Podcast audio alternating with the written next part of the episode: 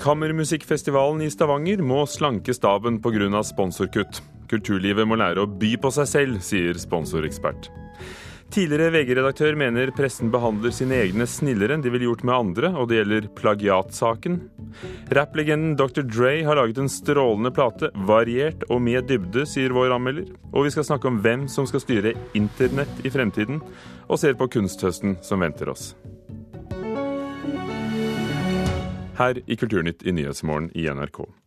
Oljekrisen rammer stadig flere kulturaktører på Vestlandet. Kammermusikkfestivalen i Stavanger, som åpner i dag, må slanke staben fordi private sponsorer trekker seg.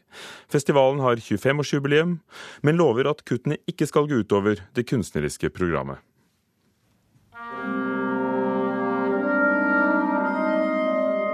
Altså Musikerne samles i dette stykket på en måte før festivalen starter. Og så i løpet av eh, fanfaren så finner de fram til et eller annet felles sier Nils Henrik Asheim, som har skrevet en ny fanfare til åpningen av Kammermusikkfestivalen i Stavanger domkirke i kveld.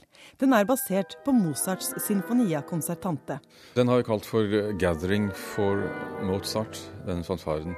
Og det er fordi eh, den er bygd på de første tonene som ble spilt på den første festivalen for 25 år siden. Og det var Mozart. Dermed får kulturminister Toril Vidvei og resten av publikum på kveldens åpningskonsert høre det stykket som Mozart selv visstnok skal ha ment var hans beste. Og ved klaveret i kveld sitter kunstnerisk leder for festivalen, Christian Ile Hadland. I år er det ingen rød tråd. I år er det kun eh, blått til lyst. Alle favorittverker. Dette smeller vi nå sammen.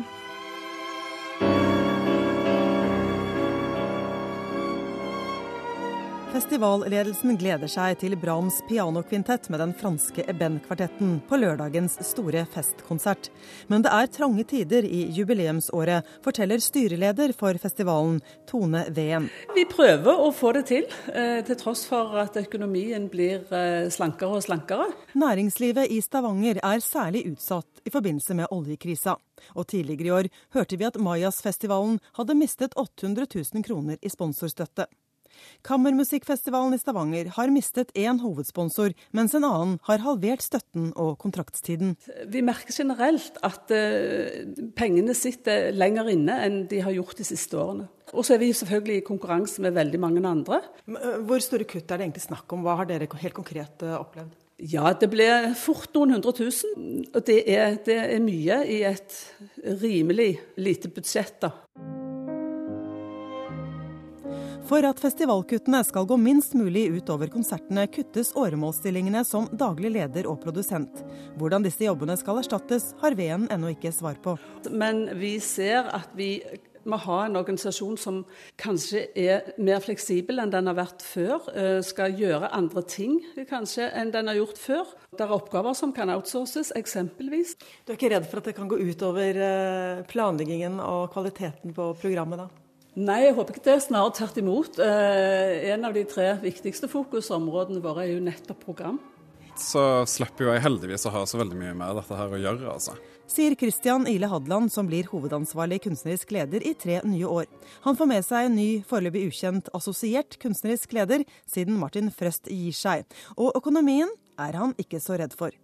Du vet, dette, det vil jo helst gi problemer hvis en f.eks. skal ha en store ensembler. Leid inn utenfra for liksom sånn énkonsertsprosjekter. Men det har jo vi aldri hatt særlig mye av, ikke sant. Fordi vi, skal, vi har bare enkeltmusikere, ikke sant. Og om man kanskje inviterer tre pianister istedenfor fire, så klarer han seg akkurat like fint sa Christian Ile Hadland til reporter Anette Johansen Espeland. Og i forkant av Kammermusikkfestivalen i Stavanger så nevner vi at Martin Frøst, den andre og avtroppende kunstneriske lederen, kjent klarinettist, har meldt avbud til åpningskonserten pga. en akutt infeksjon i øre- og balansenerve. Det opplyser festivalen selv. Men det skal handle om økonomi. Jakob Lund, konsulent i Sponsorkonsult, og i 20 år var du sponsorsjef for DNB. Hvorfor tror du Mayas tidligere i år, nå Kammusikkfestivalen, opplever eh, kutt fra sponsorene? Ja, det er jo en generell nedgang i lønnsomheten inn i næringslivet. Og når man da skal begynne å kutte kostnader, som man hører her, i, i bedriftene, så går det først utover eh, spons og marketing. Og eh, det som tradisjonelt er eh, sponseflatene, det er jo idrett, kultur og sosiosponsing, altså sponsing av humanitære organisasjoner. Og her rammes ofte kulturlivet hardest. Og hvorfor det? Hva burde kulturlivet gjøre som, for, for, å hindre at de blir de hardest rammede? Altså, idretten er mer synlig og skaper uh, generelt mer aktivitet blant ansatte og kunder. Sosiosponsinger, uh, altså sponsing av humanitære organisasjoner, har ofte et samfunnsansvarsperspektiv uh, på seg i større grad og kanskje litt mer vrient. Mens kulturlivet er for lite innovativt. Altså Idretten og humanitære organisasjoner spør ofte næringslivet om hva de kan bidra med sammen med næringslivet. Kulturlivet spør hva næringslivet kan bidra med til de. Og det er nesten 180 graders forskjell i inngangsposisjon i forhold til et samarbeid som skal vare over tid. Men du som da nå har jobbet med sponsing i eh, et kvart århundre, har de intet lært på den tiden? Nei, nesten ingenting. Eh, kulturlivet har vært i for stor grad opptatt av egenart og egen integritet. Eh, idretten har vært veldig opptatt av utvikling. De har invitert næringslivet til samarbeid. Det gir seg utslag i barnecuper i fotball, ungdomstiltak på ditten og datten, samarbeidsprosjekt. De kaller stafetter opp etter, eh, etter bedriftene. Altså De lager aktiviteter rundt bedriftenes merkevare. Mens eh, kulturlivet har vært for lite innovativt. Det har vært i altfor liten grad villig til å gå i en dialog. Men er det ikke da også et poeng at kulturlivet i sin natur så er kunsten fri og, og, og skal ha integritet? Blir det ikke en balansegang mellom, mellom brød og sirkus? Jo, det blir det, brød det, den, Når kulturlivet påberoper seg den friheten til å være seg selv, så, øh, og ha sin egen integritet, så må de også regne med at næringslivet er mindre villig til å gå i en dialog. Dersom man ikke vil ha den dialogen, så er det klart at da merkes det i andre enden og færre sponsorater. Ditt råd til øh, festivaler og andre som øh, jakter på sponsorer? Eh, gå i dialog med næringslivet og finne frem til et konsept som kan utvikles, som, som du kan bygge videre sammen på, og ikke kjøre en egen linje. Takk skal du ha. Jakob Lund, konsulent i Sponsorkonsult, og som altså i over 20 år var sponsorsjef for DNB.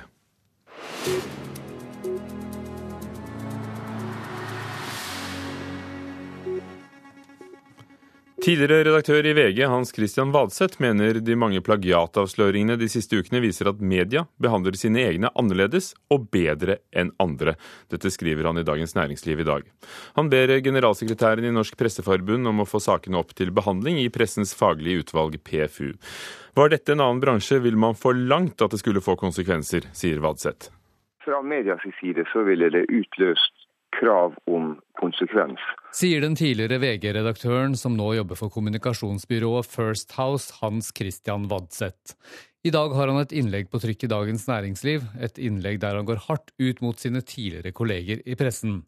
Alle plagiatavsløringene de siste ukene har vist at media er mer overbærende med seg selv enn med andre, er konklusjonen hans. Eh, I andre bransjer og i næringslivet så ville media forventa at det som skjedde her, fikk konsekvenser, i den forstand at noen måtte gå fra jobbene sine, eller noen måtte forflyttes.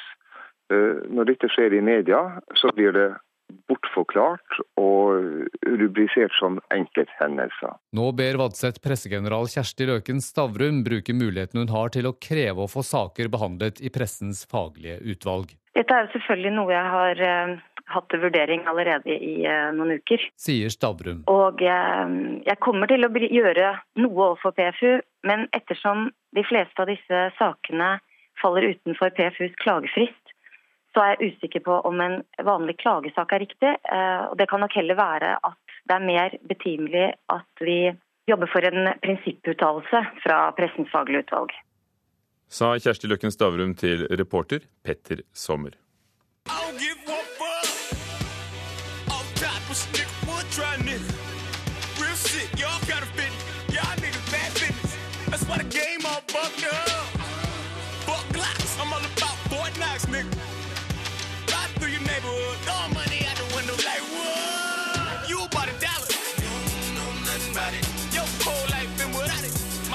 Helt plutselig i forrige uke forkynte rapplegenden Dr. Dre at han kom med en ny plate. Dvs. Si det er et album, for den er bare til salgs på nettet på Apples musikktjenester. Dr. Dre står bak noen klassikere i sjangeren, og det gjør at mange har hatt store forventninger til eh, hva han har hatt å komme med. Musikkanmelder i NRK, Ali Sofi, hva, hva ventet du, og hva fikk du? Jeg forventet en eh, bra plate, fordi aldri i livet om Dr. Dre hadde lagt navnet sitt på en eh, skive som var middelmådig. Og jeg fikk en variert og veldig god skive. Dr. Dre, André Young, har gitt mye penger til et universitet i Sør-California. Han er musikkprodusent. Han står bak disse hodetelefonene som bærer hans navn, altså en entreprenør. Kan du si litt mer om hva han er kjent for musikalsk? Han var med å starte en sjanger som heter G-funk. En sløy versjon av hiphop-sjangeren som starta på vestkysten i USA. Og etter det så har han nært uh, karrierene til svære navn som Eminem, 50 Cent og Kendrick Lamar. Hva handler platen om, hvis det går an å si det? For det er mye tekst? Det er mye tekst. Eh, teksten handler om, eh, strengt tatt om tøffe tider for afroamerikanere i bydelen Compton i Los Angeles. I, altså, I kjølvannet av eh, drapene på unge afroamerikanere i USA, så har eh, veldig mange artister, afroamerikanske artister uh, latt seg inspirere av det som har skjedd de siste åra. så det er egentlig en langfinger opp til autoritetene, da. Vi kan jo ikke høre alt. Vi har plukket noe. F.eks. All in a Day's Work. Hva skal vi lytte etter? Vi skal lytte etter detaljer. Vi skal lytte etter The Doors-aktige tangenter. Vi skal lytte etter en eklektisk eh, produsent som fortsatt viser seg sterk etter 50 år.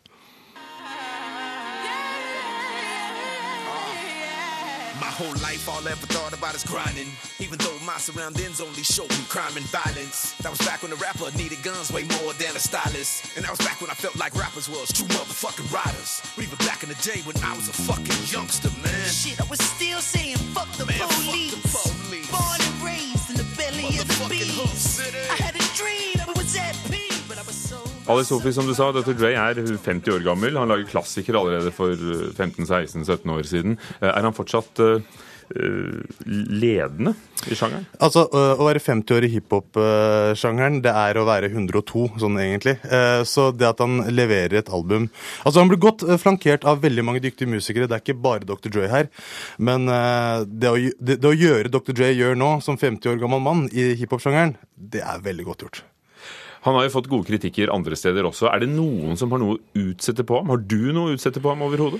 Eh, det å utsette på ham, det er, det er liksom flisespikkel og litt nerding. Men eh, det her kommer an på hvem som uh, skriver tekstene, og hvem man lar seg inspirere av. For det går jo rykter om JC, det rykter om TI, det går rykter om veldig mye rart.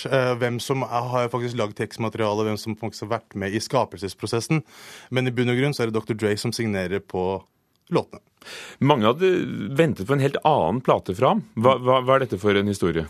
Eh, dok, altså, for å si det sånn, uh, Chronic og 2001, de to foregående albumene, var halvvulgær hiphop. Uh, hvor det var såkalte bangers, noe til uh, råning, noe til klubben. Nå har Dr. Dre blitt 50 år gammel, langt eldre, men langt smartere, og viser oss dybde som produsent. Dette albumet selges altså bare gjennom Apples musikkanaler. En annen kjent artist, nemlig Prince, skal gi ut sin neste plate på konkurrenten Tidal. Hvorfor selger de ikke overalt, og hvem har å tjene på dette her? Ja, si det. Ehm, det er, det er vanskelig det der. Altså, hvorfor skal man altså, Akkurat det med tilfellet med Dre, så er det vel at han solgte øretelefonen-imperiet sitt til Apple. Og derfor så var det et eh, case av å gi og ta. Derfor så måtte skiva ut på iTunes. Eh, hva Prince gjør Prince har vel fått et ganske ambivalent forhold til internettet etter at uh, mye som skjedde på 90-tallet. Han var en av pionerene hva angår å promotere musikk via internettet. Eh, eksklusivitet, men ekskluderende vil jeg kalle det. Eh, kan det være for å hindre ulovlig nedlastning? Det kan det absolutt være. Men lykkes det? Uh, jeg er i hvert fall langt mer ambivalent i det. uh, Compton heter albumet fra Dr. Ray. Verdt penga? Definitivt. Og vi skal høre For the Love of Money? Ja, uh, med Jill Scott, New, Scott, New Soul-autoriteten Jill Scott.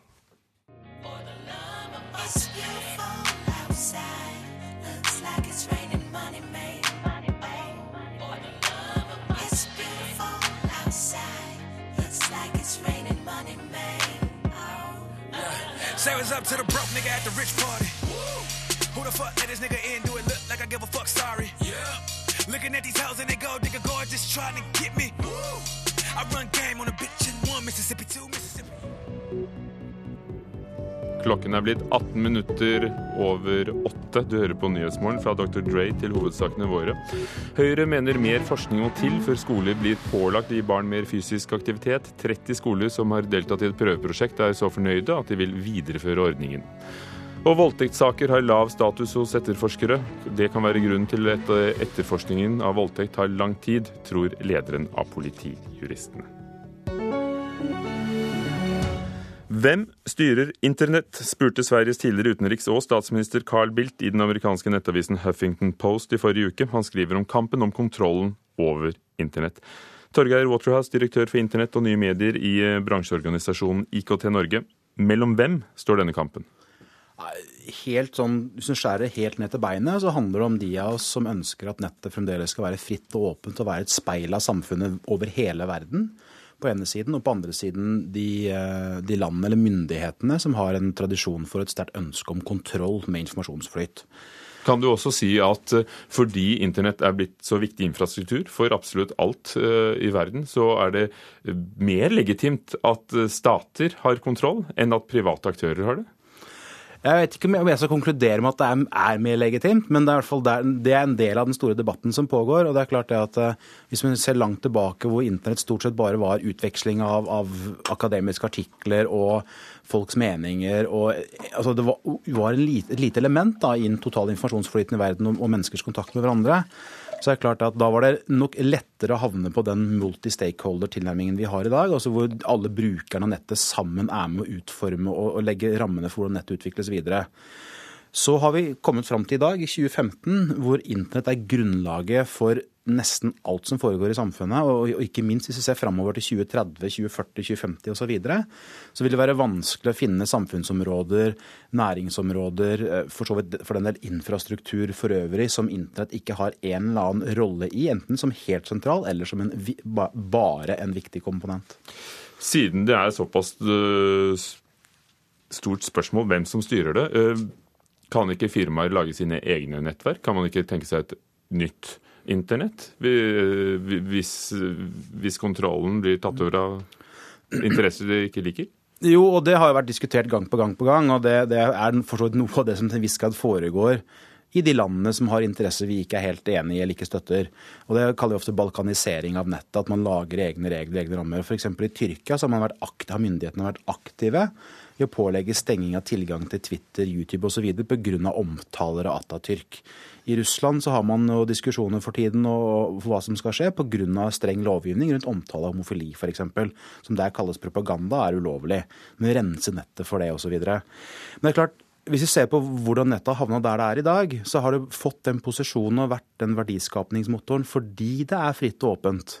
Fordi det er ett nett som alle bruker så har man den kontaktflaten. og Dermed så fungerer det godt. Hvem har myndigheten i dag? Eh, det er, en, er det en myndighet? Det er, både er det myndighet og ikke-myndighet. Du kan si I utgangspunktet så gjelder jo alle lands lovgivning uansett om du gjør noe på nett eller om du gjør noe fysisk, f.eks. i studio her. Samtidig så er det sånn at eh, en del av den grunnleggende infrastrukturen som gjør at nettet virker, at man kommer fram dit man skal hvis man skriver nrk.no i nettleser osv., den er styrt av et organ i USA som er regulert av lovgivningen i USA. Og så ligger det sånn en sikkerhetsventil der hos myndighetene i USA som slår begge veier. De kan hevde og hevder at vi bruker ikke denne muligheten vi har til å legge føringer på, på nettet for andre land eh, og mennesker. Samtidig så, så, opererer jo da ICAN, som det er snakk om her, innenfor lovgivning fra USA. Og Det gir selvfølgelig krutt eller vann på mølla da, til de landene som hevder at dette må flyttes til FN. Og helt kort, det, er, det mange er bekymra for, er jo nettopp det at hvis man flytter det bort fra den, den posisjonen du har i dag, og det organet som styrer hvordan ting henger sammen og styres i dag, over i et FN-system, så vil man i mye større grad enn i dag måtte la nettet bli utvikla på premissene til de som ønsker streng sensur og hindre muligheter. Altså Kina, Russland, Iran osv. Er det en samlet bransje som går imot det? Ja, I hovedsak en samla bransje og i hovedsak samla frivillige organisasjoner, NGO-er, altså ikke-myndighetsorganisasjoner st store delen av de som bruker nettet, ønsker en videreføring langs det sporet man er på i dag. Takk. Torgeir Waterhouse i IKT Norge. Salget av brettspill har eh, tatt seg veldig opp eh, i sommer. Fra det ene til det andre. Monopol, yatzy, ludo, geni osv. Bokhandelkjedene Ark og Notabene har gjort god butikk av dårlig vær, og, og, melder om dette økte salget. Hjemme hos familien Løberg i Skien har spillinteressen eh, tatt av. Da skal vi Ja, du har valgt? Ja, jeg har valgt at jeg skal få lov å starte med elleve mat. Så får vi noen ressurser òg. Jeg skjønner ingenting, jeg, dere. Hva er det dere spiller for noe, Eivind og Eirin? Det er eh, et spill som da heter Solken. Work replacement-spill heter det. Hvor kommer denne spillinteressen fra? Vi har jo egentlig, Siden vi ble kjent, så har vi alltid spilt en del brettspill. Det er jo det er veldig sosialt. Jeg tar meg en tur på Ark på Herklus i Skien for å høre om de har solgt masse spill nå i sommer. Da kommer vi ned til spillavdelingen her. Eh, her er det litt sånn ymse med stabler med puslespill og vanlige spill og kortspill og sånne ting. Amanda Marie Torkelsen, du jobber her ved Ark på Herkulus. Hvor mye, hvor mye salg har det vært? Mye. Det er eh, utrolig masse folk som kommer innom og tenker enten skal de ha et gråværsdag, eller så sitter de ute og spiller. Det er på hytta, det er på stranda, det er alt mulig. Så det går egentlig veldig mye spill. Hva er det de vil ha for noe? Eh, veldig mange vil ha puslespill. For det passer til alle i alle aldre og alt mulig. Eh, men ellers så går det veldig mye av sånn vanlig brettspill. Eh, rykte går. Sjakk går det veldig mye av. De som er litt sånn morsomme, at det er litt høyt tempo, på en måte. Er du glad i spill sjøl? Ja, det er jeg.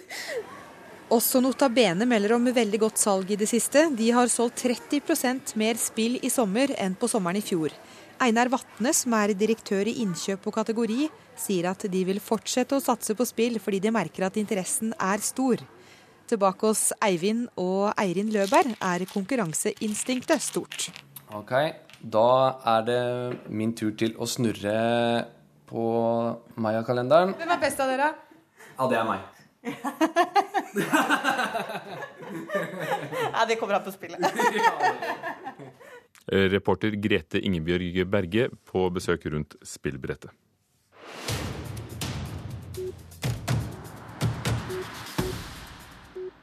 I disse ukene i Kulturnytt forbereder vi oss på at det vidunderlige skal skje når høsten endelig skal begynne, og det gjør vi med NRKs kritikere. I dag kunstkritiker Mona Pale Bjerke, som spisser blyanten og hamrer løs på tastaturet i forkant av kunsthøsten. Hva er det første som venter deg, Mona? Ja, nå er det LIAF i siste helgen i august. Eh, Lofoten International Art Festival. Veldig viktig begivenhet i Norge med, som får internasjonal eh, oppmerksomhet. I år så er tittelen 'Disappearing Act'. En litt sånn vag Forsvinningsnummer? Ja. Litt sånn vag tematikk som jeg gleder meg til å gå litt nærmere i sømmene. Så det skal bli spennende. Men de har altså klart å, å lage en festival som får oppmerksomhet, og har gode kunstnere ja, i Lofoten. Ja, og dette er Svolvær. Det er der det går av stabelen i år. En annen viktig begivenhet som har fått en del omtale på forhånd, er Kunstmuseet i Bergen, som nå heter Kode, sin utstilling 'Kunst i kamp'. Og det handler altså om den degenererte kunsten. Ja, og det er jo da det entartede som han snakket om i Hitlers Tyskland, hvor man betegnet eh, den formoppløsende, modernistiske kunsten. Det var jo spesielt kubismen og ekspresjonismen man siktet til. En kunst som man oppfattet som ødeleggende, uekte og da fordervet. Eh, og man hadde jo da utstillinger på slutten av 30-tallet i Tyskland som viste, som skulle pedagogisk vise hva som var den gode kunsten og hva som var denne dårlige kunsten. Og det vet nok mange om. Men det kanskje færre vet, var at også det ble arrangert en sånn eh, utstilling mellom 42 og 43 i Nasjonalgalleriet i Oslo og flere andre byer i Norge, som het Kunst og ukunst. Og, som, og dette er jo et ganske sånn dunkelt og ubekvemt kapittel i norsk kunsthistorie, og det er det kode Kunstmuseet i Bergen vil løfte frem. Så det, det kan jo bli høstens store begivenhet. Nasjonalmuseet, hva gjør de? Ja, I Nasjonalmuseet så er det jo på Kunstindustrimuseet så er det den store kunsthåndverkhøstutstillingen. Eh, som er da norske kunsthåndverkeres årsutstilling. Det er alltid en begivenhet eh, å merke seg. På Nasjonalgalleriet så har de den store grafikkutstillingen Avtrykk. Altså de er tresnitt gjennom fem århundre. Så det er veldig spennende, for det er veldig morsomt at tresnittet blir løftet eh, frem. Og det virker som grafikk er litt i vinden akkurat nå, for også på Museet for samtidskunst så er det da Anna Eva Bergmanns eh, grafikk som er under lupen. Så det er, det er morsomt at det er et sånt uh, fokus på grafikk. Men det Anna Eva Bergman har også fått en slags renessanse de siste ja, årene? Ja, så hun er også, også en uh, inter, veldig interessant kunstner. Men det er først i november. Men i september så åpne Tidens geografi på Museet for samtidskunst. Og der er det den nederlandske kunstneren Fiona Tan som vises. Og hun er jo kjent for sine fotografier, filminstallasjoner og videoer. Og er opptatt av erindring og identitet, og hvordan vi bærer minnene våre og i det vår personlige historie, og hvordan det er med på å forme oss. da. Så det er en veldig, veldig spennende kunstner. Så dette gleder jeg meg veldig til. Munch-museet har uh, fått mye omtale for sine Pluss Munch-serie. De hadde Melgaard og Munch, og nå har de stor publikumssuksess med van Gogh pluss Munch. Uh, hva slags sammenstilling kan vi glede oss til uh, til høsten? Ja, da er det Vigeland pluss Munch. Det er jo på en måte en ganske opplagt sammenstilling, men ikke helt veldig grundig utforsket, egentlig. Så det skal bli spennende å se om de finner noen nye koblinger. Og jeg håper ikke vi bare skal se på de vante motivsammenligningene eller høre om rivalisering rivaliseringen mellom de to, men at virkelig de skal innfri når de kaller det bak mytene. Så det skal bli spennende å se. Henny Onsdag Kunstsenter. Ja, der er det På sporet av uh, Matisse. Og da tror jeg vel Det er lite informasjon å hente om denne utstillingen foreløpig, men jeg tror det skal være både en presentasjon av denne viktige mesteren, men også en tematisering rundt dette bildet som Henny Onsdag Kunstsenter er i besittelse av, som de da muligens må gi tilbake fordi det har blitt gitt dem på uriktig vis. Og så er det Hilma af Klint, en svensk kunstner og antroposof, som, er, eh, som de også skal vise. Blir det en god kunsthøst? Jeg tror det blir veldig spennende. Gleder meg. Takk, Mona Pale Bjerke, vår kunstkritiker. Kulturnytt var ved produsent Gjermund Jappé. Teknisk ansvarlig Espen Hansen og programleder Ugo Fermariello. Og du hører på Nyhetsmorgen. Klokken er straks halv ni.